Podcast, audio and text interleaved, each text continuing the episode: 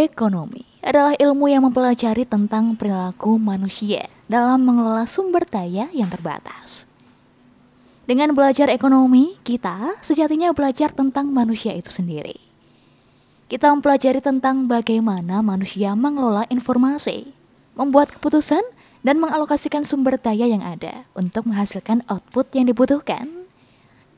Dengan belajar ekonomi, kita belajar menjadi manusia yang bijaksana dalam mengelola sumber daya yang terbatas. Sesuatu yang paling terbatas dalam hidup manusia adalah waktu. Oleh karena itu, kita harus memanfaatkan waktu semaksimal mungkin. Pada umumnya, tidak ada manusia yang ingin hidupnya susah dan sengsara.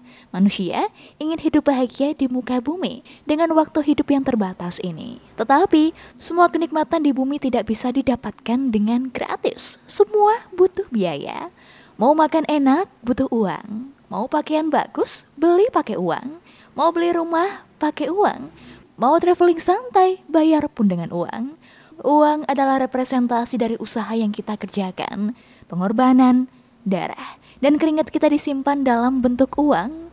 Suatu saat kita butuh sesuatu, kita bisa pakai uang sebagai alat tukar. Melek ekonomi dan melek finansial adalah kunci kalau kamu ingin hidup sejahtera.